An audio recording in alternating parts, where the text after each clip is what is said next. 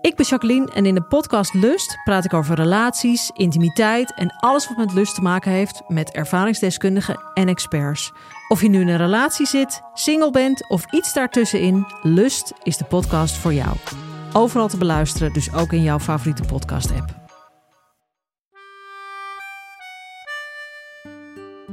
Dit is Man met de microfoon, met echte en bijna echte verhalen uit een stadswijk. En ik ben Chris Baayema. Dat stukje geweld, dat was, eh, ergens was het ook weer een stukje het niet weten en kunnen. Om het op dat moment met de juiste woorden te kunnen doen. Ah, slager, slager. Bakker van vlees. Van vlees. Ja. Eh, schap.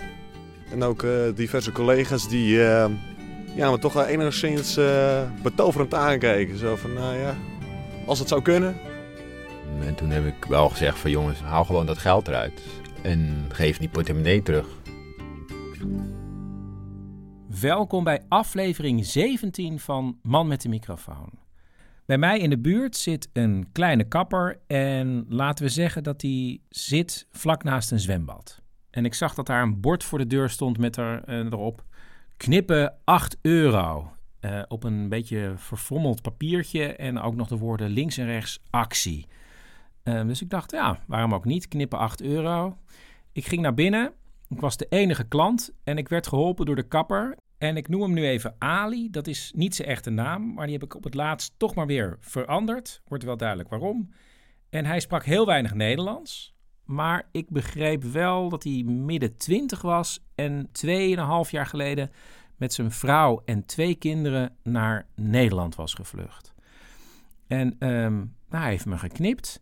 En eh, toen ik klaar was, eh, bleef ik nog heel even een beetje proberen te praten met hem. En toen pakte hij opeens eh, een boek. En dat was dan Nederlands leren. A1 voor buitenlanders is dat. En toen zei hij, ja, kan je me niet helpen met Nederlands leren? Want hij wilde heel graag Nederlands met me praten. En toen zei ik, ja, ik wil je eigenlijk wel helpen. Maar misschien kunnen we een afspraak maken dat ik jou help met Nederlands leren. Als ik de klanten mag interviewen die hier binnenkomen. Nou, en dat vond hij goed. Dus zo is deze aflevering ontstaan met de titel Knippen 8 euro. En ik heb weer echte en bijna echte verhalen. Maar ik maak eerst even ruimte voor mijn hoofdsponsor, de Koffie Company.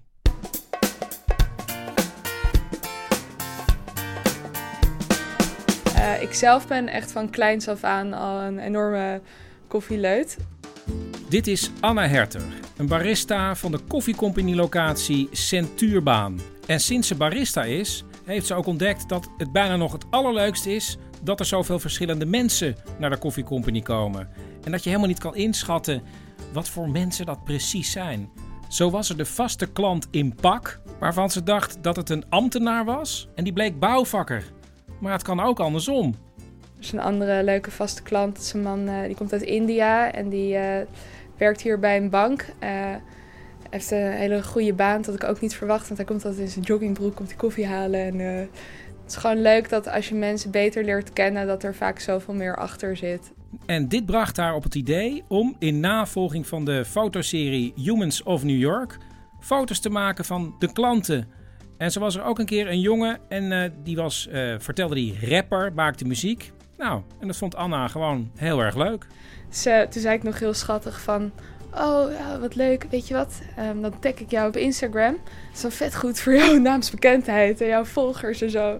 Toen begon hij ook te grinniken. En toen zei hij van, ja, doe maar. En toen ging ik hem daarna, toen hij weg was, dus opzoeken. En toen bleek dat hij echt 200.000 volgers had. En ik nog net 100 of zo. Ja, je weet het nooit. Misschien staan ze voor je. De bankier, de bouwvakker of rapper Sjaak.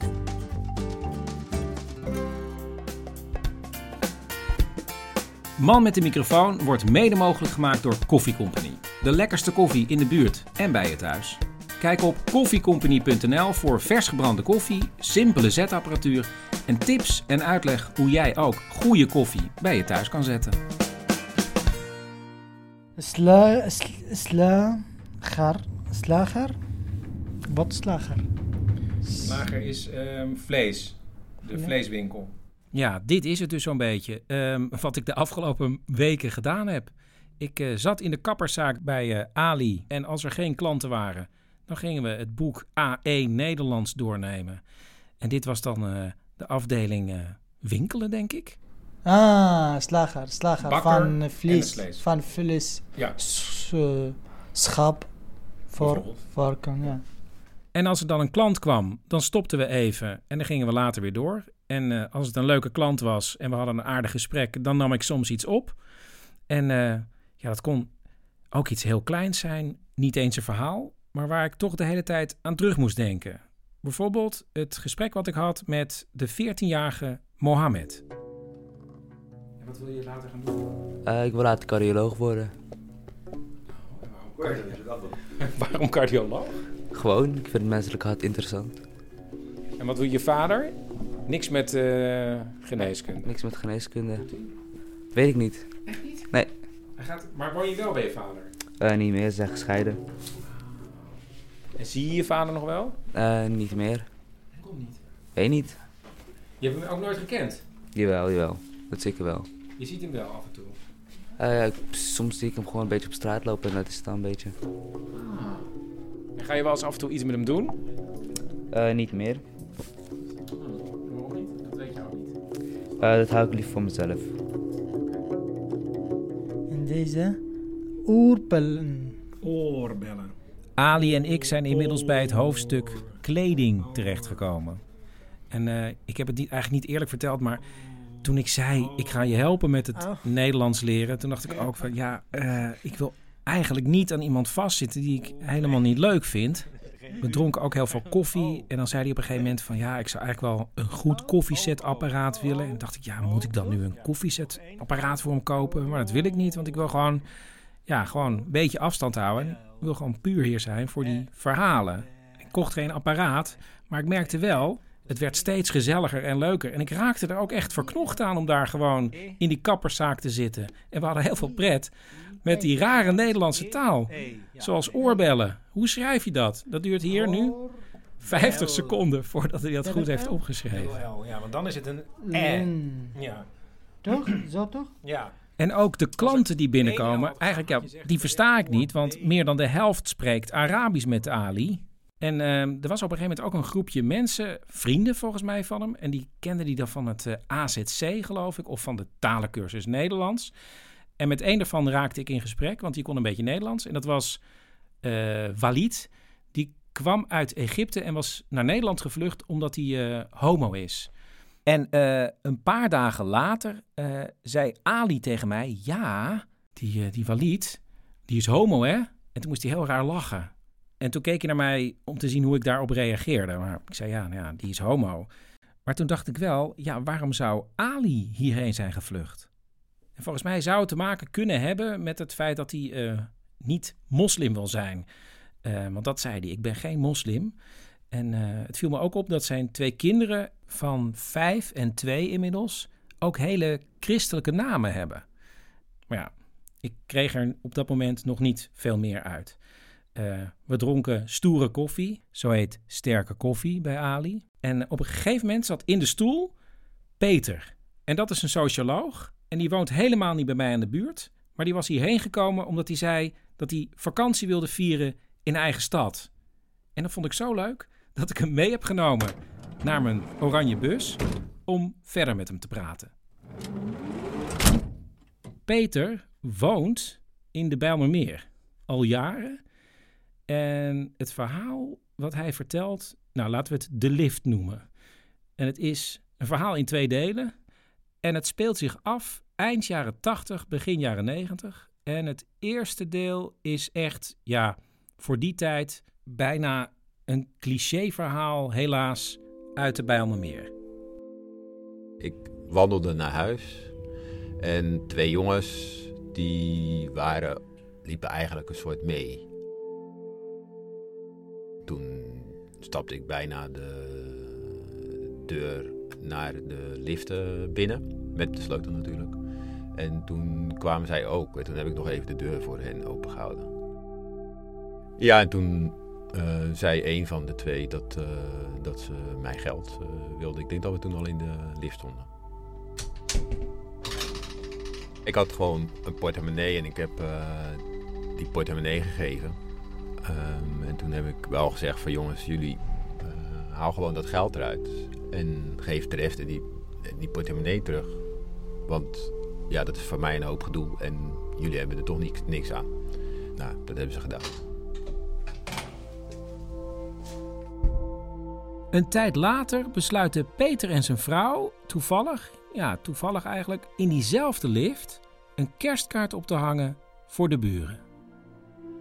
Hoewel we eigenlijk niemand daar, ongeveer niemand kenden, behalve mensen, eh, de directe buren, waar we wel eens heel kort een praatje mee maakten. En op de kerstkaart stond. Ja, goede kerst voor iedereen. Ik denk dan niks, niks heel bijzonders bedacht. Opgangen. Toen we terugkwamen van ons werk, denk ik dat er al drie of vier bij hingen. En uh, zo ging dat eigenlijk elke dag door.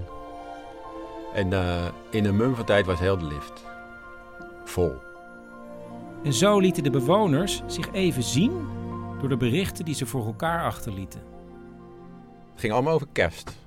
Uh, en over God. En over uh, geloof. En over warmte en liefde. Dat grappige was ook dat het eigenlijk wel steeds bonter en, en gekker werd. En dat mensen dus eigenlijk steeds mooiere dingen ervan gingen maken. Met, niet alleen met papier, maar ook met textiel en een bloem. En nou, noem maar op. Dus er werd echt werk van gemaakt. En het, later is ook wel bekend geworden, natuurlijk ook door die, door die ramp, dat er heel veel illegalen woonden. En ik denk dat dat ook bij ons aan de hand was. En dat mensen gewoon eigenlijk heel erg hun leven terug, teruggetrokken uit het zicht probeerden te leven. Uh, en in dit geval toch even naar voren traden. Ja, iedereen ging natuurlijk langs de lift. En dat was eigenlijk het gemeenschappelijke punt. Waar ook dan, ondanks die enorme verschillen van leven en positie in de samenleving uh, toch iets gemeenschappelijks ontstond.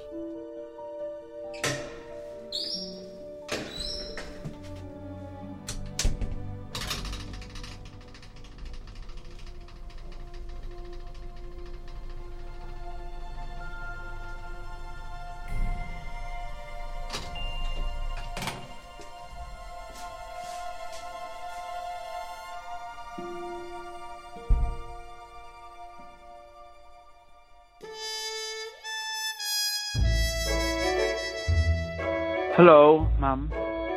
Hoi, lieverd. Uh, nou, ik, ik, ik val maar met de deur in huis. Slecht Oh. nieuws. Wat is er dan? Ik kan niet op Lisa's verjaardag komen. Waarom niet? Ik ben verknipt. Nou, mam. Goddank is er zoiets als de geestelijke gezondheidszorg in het land. Maar ik vind verknipt, dat vind ik toch een te sterke term hoor. Ook voor jou. En daarmee help je jezelf ook Nee, nee, nee, Het nee. is, het is als, Nee, lieverd. ah, Ik, ik, ik bedoel letterlijk verknipt. Want Ik was naar een, een nieuwe kapper. En die zei, eh, laten we het eens lekker kittig kort doen. oh, je haar. Daar Ja. hebben we het over? Ja. Ja, en, en ik zei nog tegen hem, ik zei, eh, ik steek mijn haar al, al 40 jaar op. En toen zei die jongen, nou, het is hoog tijd om daar eens van af te stappen. En ik had mijn bril niet op, dus, dus ik zag hem ook niet precies wat hij allemaal deed. Wat deed hij dan? Nou, aan één kant is het helemaal kort. En aan de andere kant is het, is het langer. Net zoals die, die, die verschrikkelijke eh, christelijke mevrouw van het Britcentrum, weet je wel, die. Dus, dus je bent voor de helft een soort punker. En voor de andere helft een christelijke bridge speelster. Ja. Dat klinkt wel verknipt inderdaad. Zit er een kleurtje in? Ja. Ja, de lange kant is rood. Nou ja, je, je snapt, ik kan voorlopig de deur echt niet uit. Ik, ik stuur wel een kaart naar Lisa. En dan ga ik over een paar maanden met Nee. haar naar een Nee, leuke film. Nee, moedertje, jij gaat gewoon op Lisa's verjaardag komen hoor. lieverd, ik loop voor... Ik weet mij ineens heel goed te herinneren dat ik met een scheve pony naar school toe moest. Die jij zelf had bijgeknipt. Ik wilde niet, maar het moest toch. En? Het is payback time. Mam. Tot zondag. Tot zondag. Na anderhalve week kom ik erachter dat de winkel nog helemaal geen naam heeft. Want Ali huurt hem ook nog maar een paar weken. En dan verzin ik samen met mijn vriendin een, eh, een naam. En ik weet niet hoe het komt, maar uiteindelijk ben ik een hele poster aan het ontwerpen. En die gaan we dan samen laten afdrukken. Ehm, nou, mooie tekst met foto's. eh, plakken we op zo'n open klapbord. En het staat inderdaad heel professioneel. Alleen ja, de prijzen, het kost allemaal helemaal niks daar. Eh, op een gegeven moment was er een man, volgens mij was het een Turk, die had een baard. Nou, ik wist niet dat een baard zo belangrijk was. Die was er wel minutenlang mee bezig om uit te leggen waar Ali precies langs moest scheren. Nou, volgens mij is hier een uur mee bezig geweest. Ook nog met verven en het verven van het haar van die man. En dat kost dan 23 euro. Helemaal niks. Het rare is, Ali, na twee weken merkte ik ook, was heel somber. Want hij verdiende eigenlijk te weinig.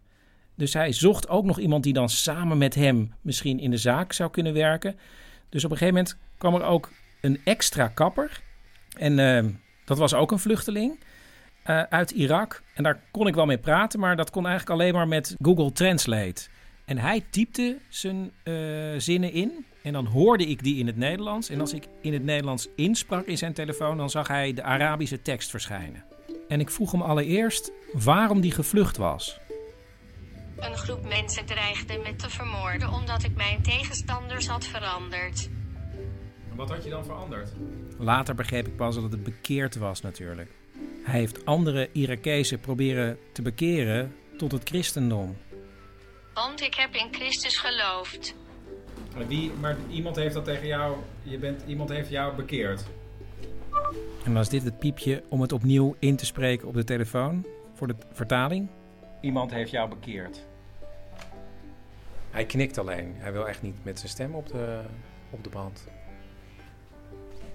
En hij wijst dat ik naar Jaja, met Jaja moet praten.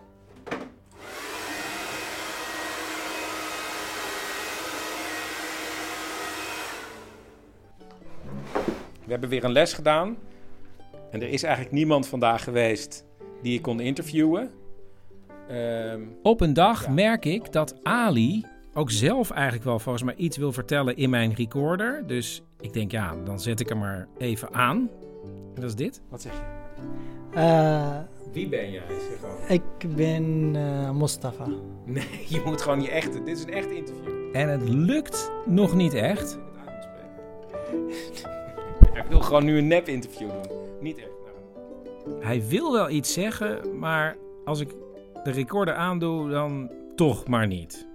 Nou, doen we eerst het verhaal van de lange, dunne man met het petje en ingevallen wangen. Die zijn hoofd met een tondeuze kaal liet scheren. En daarna bij mij plaatsnam in de bus. Ja, mijn naam is eh, Bas, 38 jaar.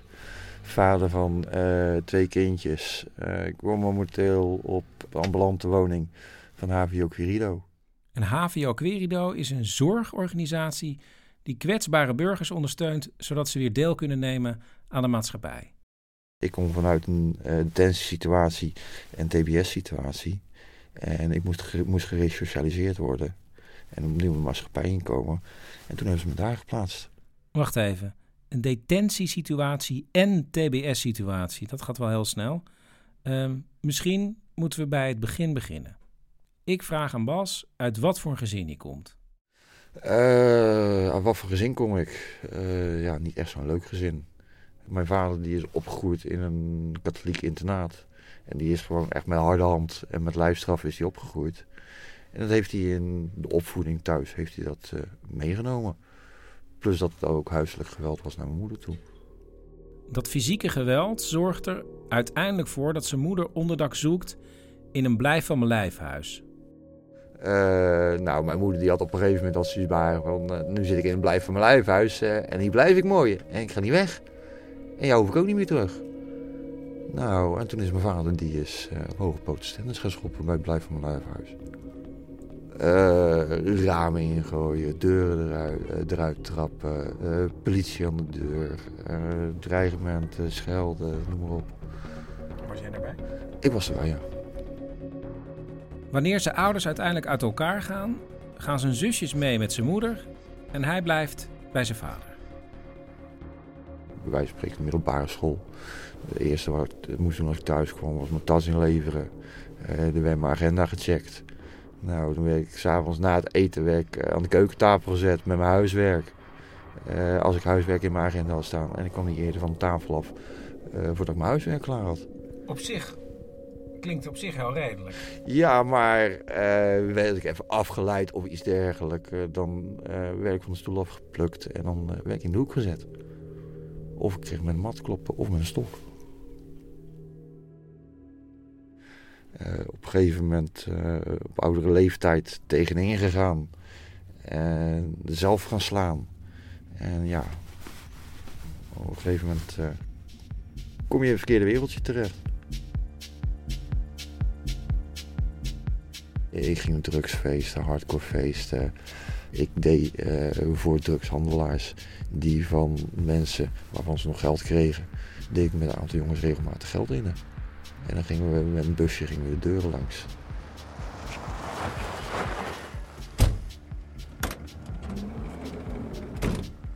Eh, meestal stapte ik dan als eerste uit. Eh, de rest bleef dan in de auto zitten. Eventjes netjes aanbellen, kijken of er iemand thuis was. Nou, er wordt open gedaan. Nou, je vraagt netjes eh, om hetgene waar je recht op hebt. Waar, waarover een deal gemaakt is. Waarover afspraken gemaakt zijn. Maar dan hadden ze geen geld. Ja, en dan werd gewoon de deur uitgetrapt. En dan gingen we naar binnen toe, gingen we kijken of ze geld hadden. Hadden ze geen geld, dan gingen de kostbare spullen mee.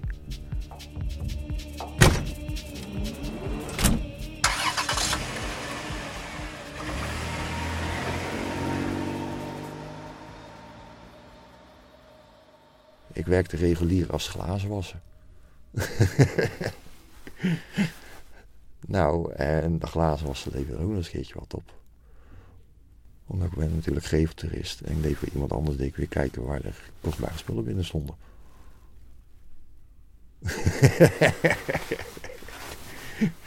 Behoorlijk crimineel dus. Eh, ik, ja, crimineel. Eh, ik probeerde zoveel mogelijk gewoon regulier te werken.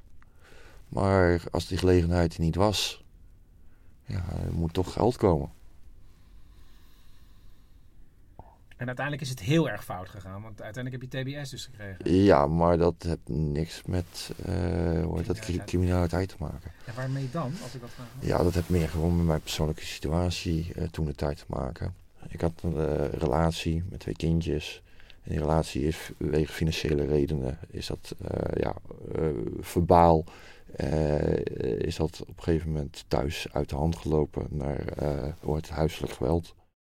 Het jonge gezin van Bas heeft het financieel erg moeilijk en zit in de schuldhulpverlening. En het weinige geld dat Bas verdient, gaat ook nog eens naar zijn wietverslaving. En daar is veel ruzie over. Zijn vriendin zegt ook heel vaak: waarom ga je nou werken? Kom nou thuis bij de kinderen. Want al het geld dat je verdient, gaat toch naar de schuldsanering. Op een gegeven moment is het zo gegaan. Eh, we hadden ruzie. Ik kwam thuis, ik had gewerkt. En zij al de hele dag had ze thuis niks gedaan. Mijn jongste zoontje die liep rond de keukentafel met een luier aan. Die al drie, vier dagen aan had. En die liep de asbak leeg te eten. Die liep met peuken in zijn mond, gezicht helemaal rond as. En ja, toen ik thuis kwam en binnenkwam en mijn vriendin achter de computer trof en mijn kinderen aan hun lot overgelaten eh, zag, ja, toen ging ik uh, daar tegenin. En daar heb ik toen wel van gezegd. Nou, en op het moment dat mijn vriendin uh, toen helemaal uit de plaat ging en kwaad werd en uit het dak ging, toen heb ik er, uh, ja, omdat ze, ja, ze werd gewoon hysterisch en toen heb ik er een tik in de gezicht gegeven. Met. Ja, even ja. Dit, dit, is een beetje jouw kant van het verhaal natuurlijk, hè? laten we ja. het wel wijzen. Het liep gewoon behoorlijk uit de hand, maar het enige wat ik me afvraag is dat je, ik bedoel, je hebt die kutjeugd, als ik het zo maar zeggen, ja. met een vader die je slaat. En op een gegeven moment ben je zelf een vader die slaat. Maakt niet uit hoe ja, het gebeurt. Ik, ik, moet, ik moet er wel bij zeggen, mijn, mijn jeugd heeft er wel altijd voor gezorgd dat ik altijd heb gezegd van ik zal nooit hetzelfde doen als mijn vader gedaan heeft. En dat heb ik ook gedaan. Ja, maar je hebt wel met die kinderen erbij je, je vriendin de slag gegeven. Ja, dat is wel waar, ja.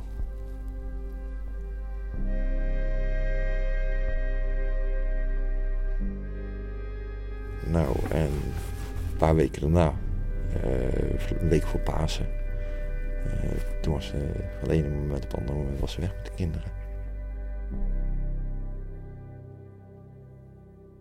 Nou, op een gegeven moment eh, ben ik best wel depressief geworden, teruggetrokken. Een jaar lang mijn kinderen niet gezien, een jaar lang geen contact gehad met mijn ex. Een grote bende in huis, hele dagen alleen nog op mijn computer zitten, jointjes roken. Nou, af en toe mijn moeder of mijn zusje die een keertje komt kijken hoe het met me gaat. Ook met zijn ex en de kinderen gaat het niet goed. En met jeugdzorg waren die kinderen bij haar ouders geplaatst. En zij was in een blijf van lijfhuis geplaatst in Amsterdam. Heel even lijkt het beter te gaan wanneer de moeder van Bas gaat hertrouwen. En dan mag Bas van jeugdzorg zijn kinderen zien en samen naar het trouwfeest gaan.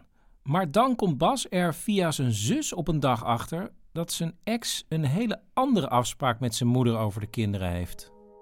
Die mochten wel komen, mits dat ik niet bij het trouwen aanwezig zou zijn. En de kinderen niet bij mij zouden blijven slapen. Dus je moeder wilde eigenlijk liever haar kleinkinderen dan jou bij haar trouwen. Nou, dan gaat bij mij gaat er boem, een knop in mijn hoofd om. Ik ga naar huis toe. Eh, ik pak eh, thuis pak een eh, steel van een bijl. Ik ga naar het huis van mijn moeder. Eh, mijn moeder doet open. Ik eis op het moment van mijn moeder dat ze met me gaat praten. Als ze niet meer me wil praten, sla ik de hele boel kort en klein. De deur wordt voor me dichtgegooid. Nou, ik begin in de voortuin de boel kort en klein te slaan. Nou, mijn moeder en mijn stiefvader in paniek. Een raampje gaat open voor- aan de voorkant van eh, Bas, alsjeblieft. Stop, eh, stop ermee. Eh, dan kom ik wel mee, mee naar buiten, kom ik wel met je praten. Nou, toen eh, stopte ik ook. Nou, de deur gaat open, mijn moeder wil naar buiten komen. En in plaats van dat mijn moeder eh, naar buiten komt, komt mijn stiefvader, die komt naar buiten gestormd. En die pakt mij beet en die begint mij op dat moment te wurgen. Nou, en vanuit een eh, afweerreactie eh pak ik die stok weer. Ik bijt hem in zijn hand terwijl hij me. Eh, en ik begin met die stok op in te rammen. En heeft eh, toen de nauwe na overleefd. Je, was bijna, je had hem bijna doodgeslagen. Bijna doodgeslagen.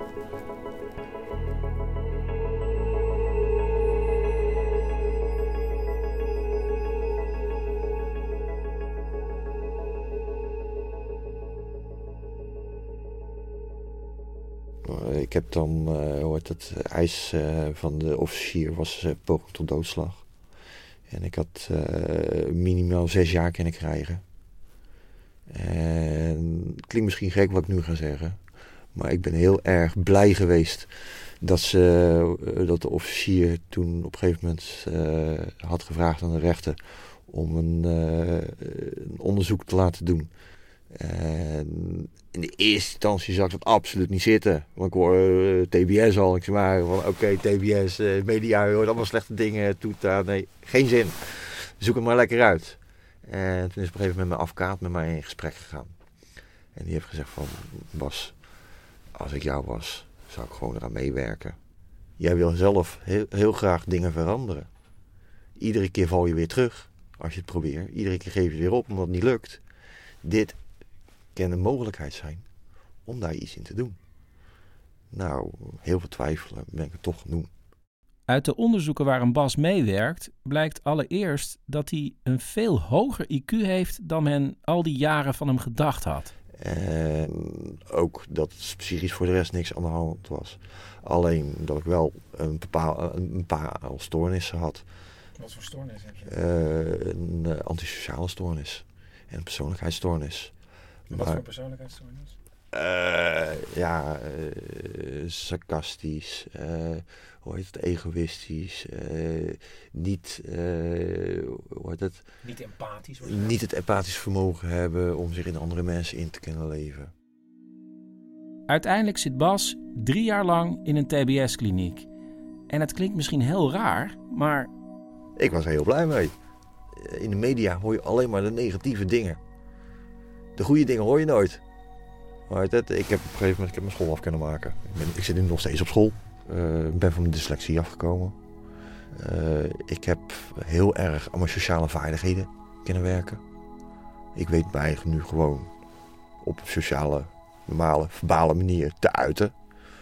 Dat, stukje geweld, dat was, eh, ergens was het ook weer een stukje eh, het niet weten en kunnen om het op dat moment met de juiste woorden te kunnen doen. Om ervoor te zorgen dat de kans zo klein mogelijk is dat Bas weer terugvalt, woont hij inmiddels onder begeleiding in een andere stad. Met drie anderen in één huis. En je kinderen? Eh, ja, die zie ik helaas niet zo vaak als ik zou willen. Mijn kinderen die hebben op het moment hebben ze al bij traumabehandeling. En die hebben op sociaal vlak hebben ze moeite om zich te ontwikkelen. En die lopen onder begeleiding van kinderpsychiater en kinderpsychologen.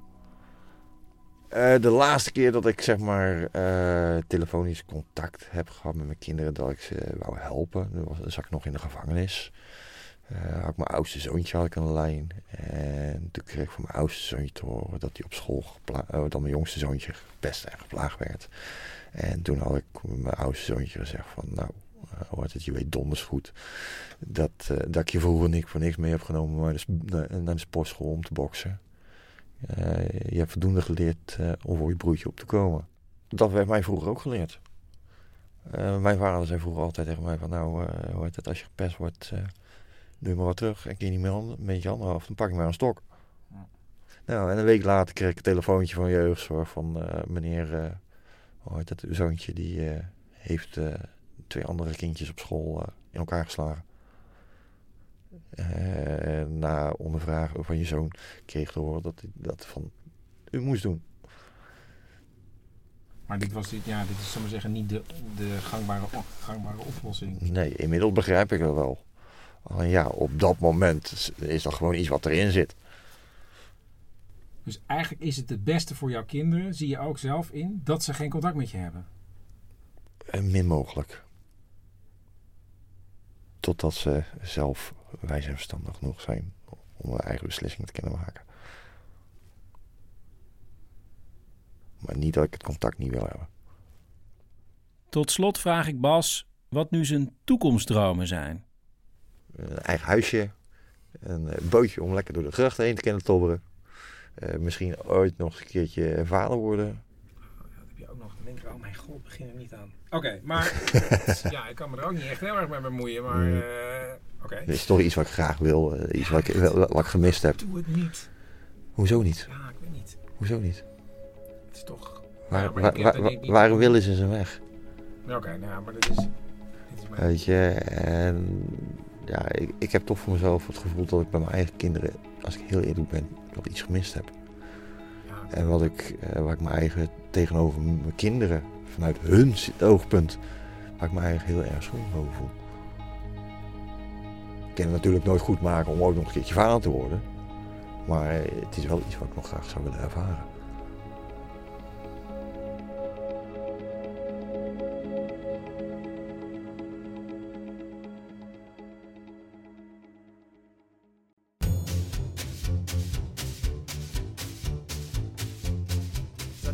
Hij staat aan. Ja? Oké, nou we zijn er. Loop maar naar binnen. Nee, nee, nee, nee, ja, wacht even uitleggen. We staan nu bij mij om de hoek, want hier staat een winkelpand leeg. Althans, Mhm. dat stond leeg. Ja, en nu staat er, kijk, een logo op het raam. Oh, van man met de microfoon. Ja, dit is de pop-up man met de microfoon concept store. En dat is dan man met de microfoon. Ja. Eén horloge in een hele grote vitrine. De man met de microfoon is tijdloos, maar ook bij de tijd. Ja, nee, maar wacht even, Bert.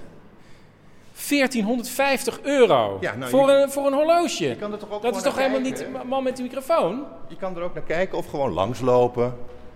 Weet je, het gaat om die hele feeling. Als je nou rondkijkt hier, hè, je Ja. staat stil en je weet... Dan weet je toch niet waar je bent, nu? Nee. Het is de 19e eeuw met die oude leren stoel daar. Of zijn we in de jaren 70 met dat Pong computerspel daar op die oude tv. Ja. Ja, wat is het? Het is en en. Zo moet je het zien. Man met de microfoon is eclectisch en tijdloos. Bert, dit is een kamerplant. Ja. Man met de microfoon is ook heel erg een kamerlinde. Ik hou helemaal niet van kamerplanten. Het concept man met de microfoon is meer dan Chris Baayema. Chris Baayema. Ja, nee, maar toch. Een kamerlinde is een hele open, vrolijke plant. Dat vind, dat, dat vind ik wel goed, natuurlijk. Een kamerlinde is een plant die iets wil zeggen, maar ook heel goed kan luisteren. Het is een plant met een verhaal. Nou ja, een hele zachte bladeren voel, maar het is haast niet eens een plant. Kom eens. Ja. Hoort dit er ook bij? Dit is een houtkachel met, met, met hout? Ja. Nee, omdat ik had gelezen dat het dus heel slecht is. Een houtkachel. Waarom zeg, Ja, je dat- dat, dat- Waarom zeg je dat nou? Ja, een man met die microfoon mag toch ook wel kritisch zijn? Jouw man met de microfoon is niet onze man met de microfoon. Onze? De luisteraars. Wij willen dit. We willen dit. Ja. Maar dit zijn allemaal spullen die jij wil, Bert. Laat maar. Het was, het, ja, nou, het was pop-up en dat is het nu dus niet meer. Het was pop-up en het is het nu niet meer? Ja, dat is pop-up.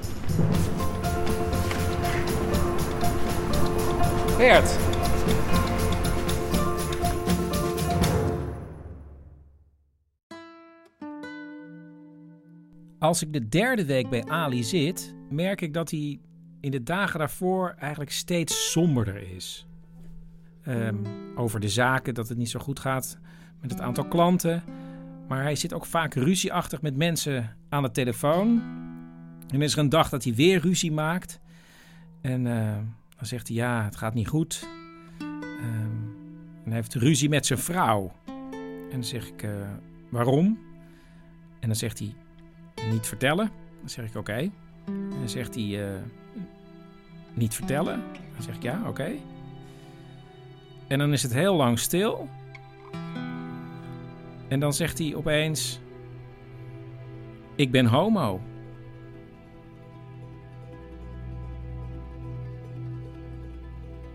En dan denk ik, ja, ik had het misschien al kunnen weten. Toen die over Walid zei dat hij homo was, een beetje moest lachen en naar me keek. Waarschijnlijk om een beetje mij uit te checken of het wel goed was. En eh, ik wist natuurlijk ook nog steeds niet waarom hij naar Nederland was gevlucht. Ja, een andere aanwijzing, hij is kapper. En eh, hij wijst ook op mijn opnameapparatuur. En hij zegt, ja, je neemt de hele tijd op dat we aan het eh, oefenen zijn met Nederlands, maar ik wil dit verhaal ook opnemen. Dus dan pak ik mijn recorder en dan zegt hij, nee, nee, nee, nee, maar niet eh, echt opnemen. Ik wil eerst kijken hoe het is. En dan, terwijl ik dus niet opneem, beweeg ik gewoon mijn recordertje naar zijn mond en hebben we een kort gesprek. Zodat hij kan zien hoe het voelt. En dan spreken we af dat ik eh, mijn vragen die ik hem wil stellen opschrijf in het Nederlands. En die stuur ik dan aan hem toe, zodat hij de vragen door Google Translate kan halen en weet wat ik hem allemaal wil vragen. En eh, ja, intussen komen er gewoon nog klanten binnen. Bijvoorbeeld eh, Thomas, dat is een verkoper, maar die is niet zo'n goede verkoper, dus die zoekt eigenlijk een andere baan. En ik denk dat hij daarom ook bij Ali is, om zijn haar weer goed te laten knippen. Dat hij representatief is. En hij denkt er nu sterk over om eh, voice-over te worden. Ja, ja ik eh, hoorde regelmatig van eh, vrienden, v- eh, kennis, familie en van de klanten die ik spreek dat ik een, ja, een redelijk goede radiostem heb. En ik doe ook met regelmatige typetjes. Dat wel met een, met een slokje op, dan ben ik helemaal in mijn element als ik dat eenmaal doe. En ik denk van, eh, ja, waarom ook niet? Eh, ik ga gewoon eh, auditie doen bij diverse voice-over bedrijven. Hij kan ook wel even wat voordoen, namelijk de Joker in de film Batman. Dan vraagt hij naar de vriendin van Two-Face, van Harvey Specter. In ieder geval, dan zegt hij... You must be Harvey's spe- eh, spouse. Nou, dat, dat is nou een beetje lastig misschien. Eh, maar ook bijvoorbeeld eh, van eh, Gert van Samsung en Gert van... No, no, mannetje, no, no, amai, amai. Nou, dat zijn allemaal simpele typetjes met een slokje op, dan, dan gaat het me een stuk beter af. Maar je moet, je moet eigenlijk stom dronken een studio inkruipen. Eh, zo zou je het, het kunnen bekijken. Maar ook bijvoorbeeld van films. Bijvoorbeeld een hele spannende film lijkt me wel leuk om dat ook in te spreken van...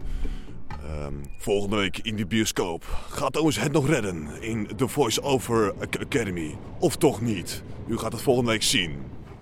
Ehm, je hebt een hele lage stem, hè? Ja, klopt ja. ja dat eh, spreekt eh, vaak ook wel mensen aan. Dat is ook een beetje de gunfactor die ik vaak van klanten krijg. Ja. Daarmee. En ook bij dames, die kijken me dan ook wel behoorlijk zwoel aan. Zo van, nou, dat heeft een, die heeft een goede stem. Het schijnt, ja, ook zakenmannen en zo, diepe stem is heel belangrijk. ja, ja, dat is ook iets wat ik heb eh, begrepen van mijn vriendin. Dat dat een van de dingen zijn waarvan ze zeggen van, nou, met die Thomas zou ik wel een, eh, een kopje koffie willen gaan drinken. Ja, met je stem. Ja, ja onder andere. Ja, ja. En ook eh, diverse collega's die eh, ja, me toch wel enigszins eh, betoverend aankijken. Zo van, nou ja, als het zou kunnen, dan zou ik ook wel met Thomas een kopje koffie willen gaan drinken. Maar ja, hè, eh, een hele lieve vriendin. Dus dat eh, doe ik dan eh, liever niet. Maar eigenlijk zou je de hele tijd kopjes koffie kunnen drinken. Ik zou in feite eh, heel vaak kopjes koffie kunnen drinken, ja. Ja, dat klopt. Ja.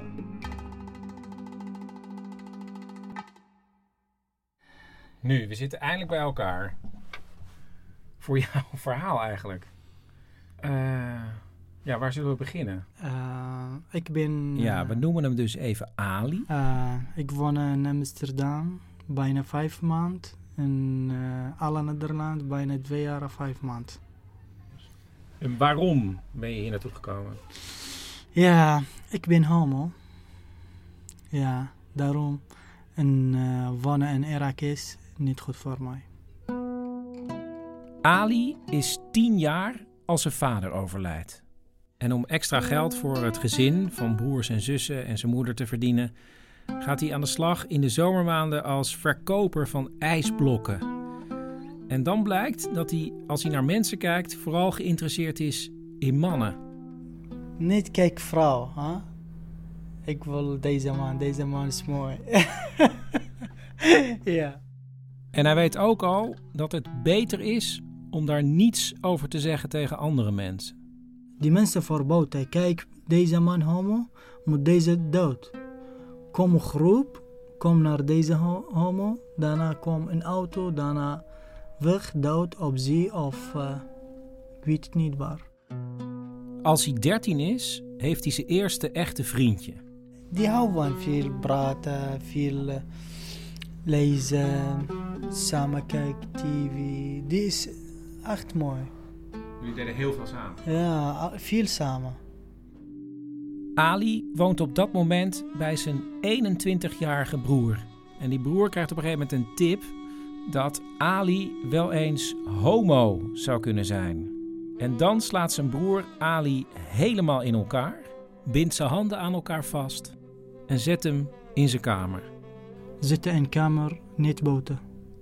Hij zit daar de hele zomer drie maanden vast en mag daarna wel naar school als hij iedere dag onmiddellijk naar huis komt. En dat duurt Eh, bijna twee jaar. Het huisarrest wordt opgeheven als Ali zegt dat hij inmiddels een echte man is geworden en geen homo meer is. Ja, die mensen kijken me, ik ben man. Maar hart of denk, ik ben homo. Nu hij weer min of meer vrij is, kan hij ook weer met zijn vriend afspreken. En dat doet hij dan niet bij zijn broer thuis, maar bij zijn moeder. Maar mijn moeder weet het, maar niet spreken. Niet vragen aan mij. Snap je zo? Ja. En dan op een dag is zijn vriend opeens verdwenen. Die weg. Waar, ik weet niet. Ali kan alleen maar raden wat er gebeurd is met zijn vriend en heeft tot op de dag van vandaag nooit meer iets gehoord. Ja, echt verdrietig ik. Voor die vriend. Ik hou van een vriend. Wanneer hij 18 jaar is, gaat hij samen met zijn moeder wonen in Bagdad, waar hij aan de universiteit een opleiding volgt tot docent Arabisch. En hij kijkt ook of hij er niet van af kan komen van dat homo zijn. Kijk, ik een eh, vriend zit te praten. Ik vraag haar, ik ben nu homo. Misschien, ik wil niet homo. Die kan of niet. Hij zegt kan niet. En als je dan homo bent in Bagdad, hoe ontmoet je dan andere homo's? Het blijkt dat dat niet via het internet gaat. Kijk, in, in internet misschien jou spreken met, met deze man. In internet. Maar hij man misschien niet, niet homo. Dan jij Komen, dan dood.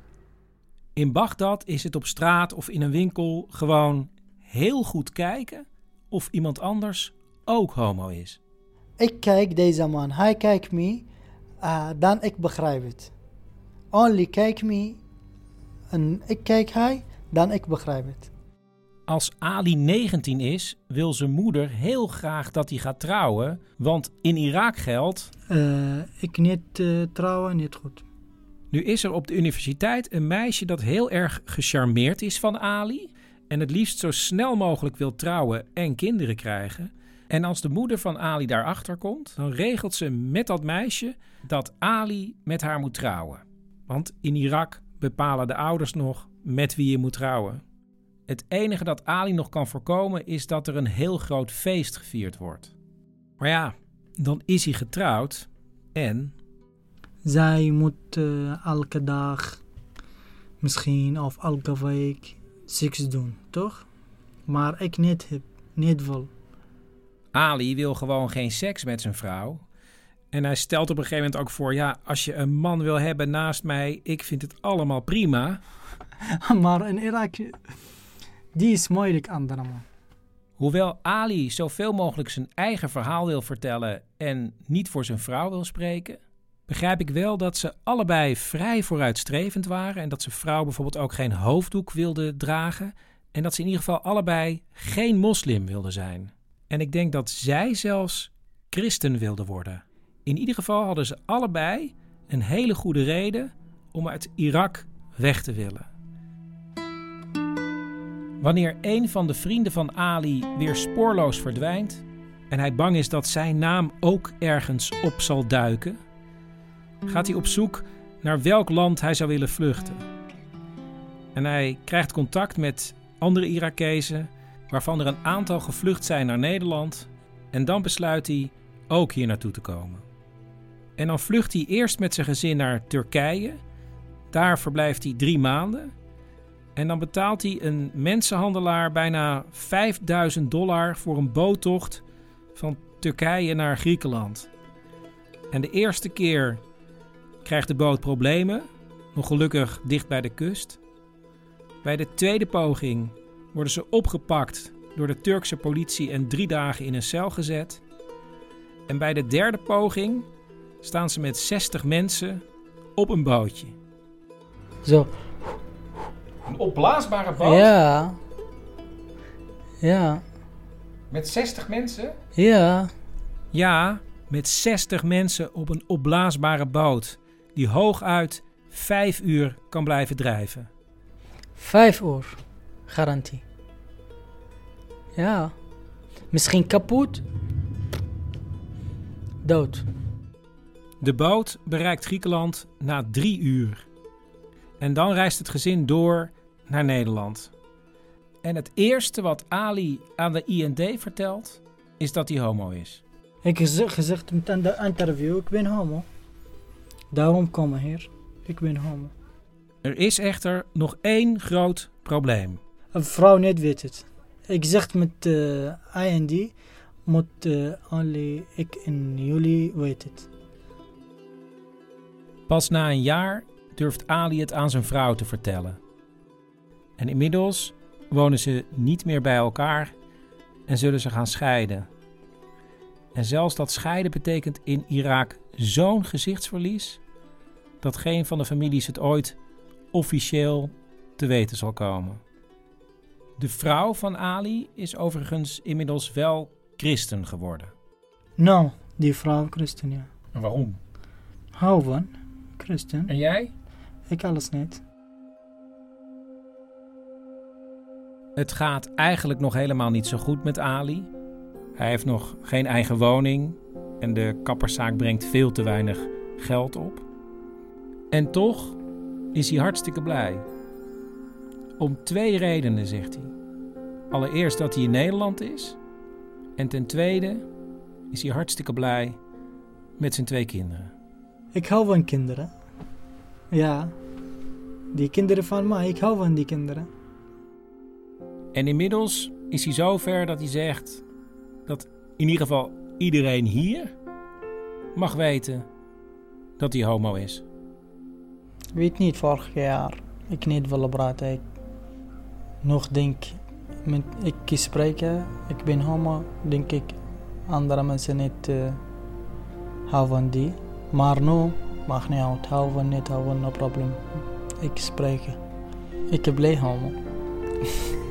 ja, echt.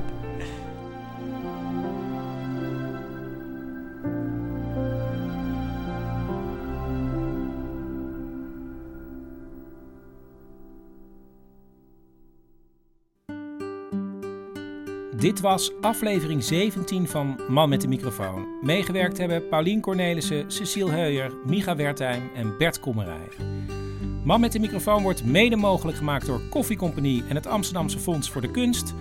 En uh, ja, ik zou zeggen, kijk op manmetdemicrofoon.nl als je zo'n kekke clubkaart wil van Man met de Microfoon. De enige kaart waar je absoluut niets mee kan, nergens korting krijgt. Nou, mocht je dat niet willen, is misschien een t-shirt van Man met de Microfoon iets voor jou.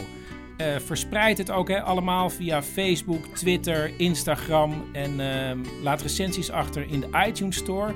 En oh ja, als je je laat knippen voor 8 euro, kan je ook een tientje geven. Kijk voor mensen, niet kijk voor die zwart man, die wit man, die Afrika man, die Europa of Arabisch of nee. Kijk voor mensen.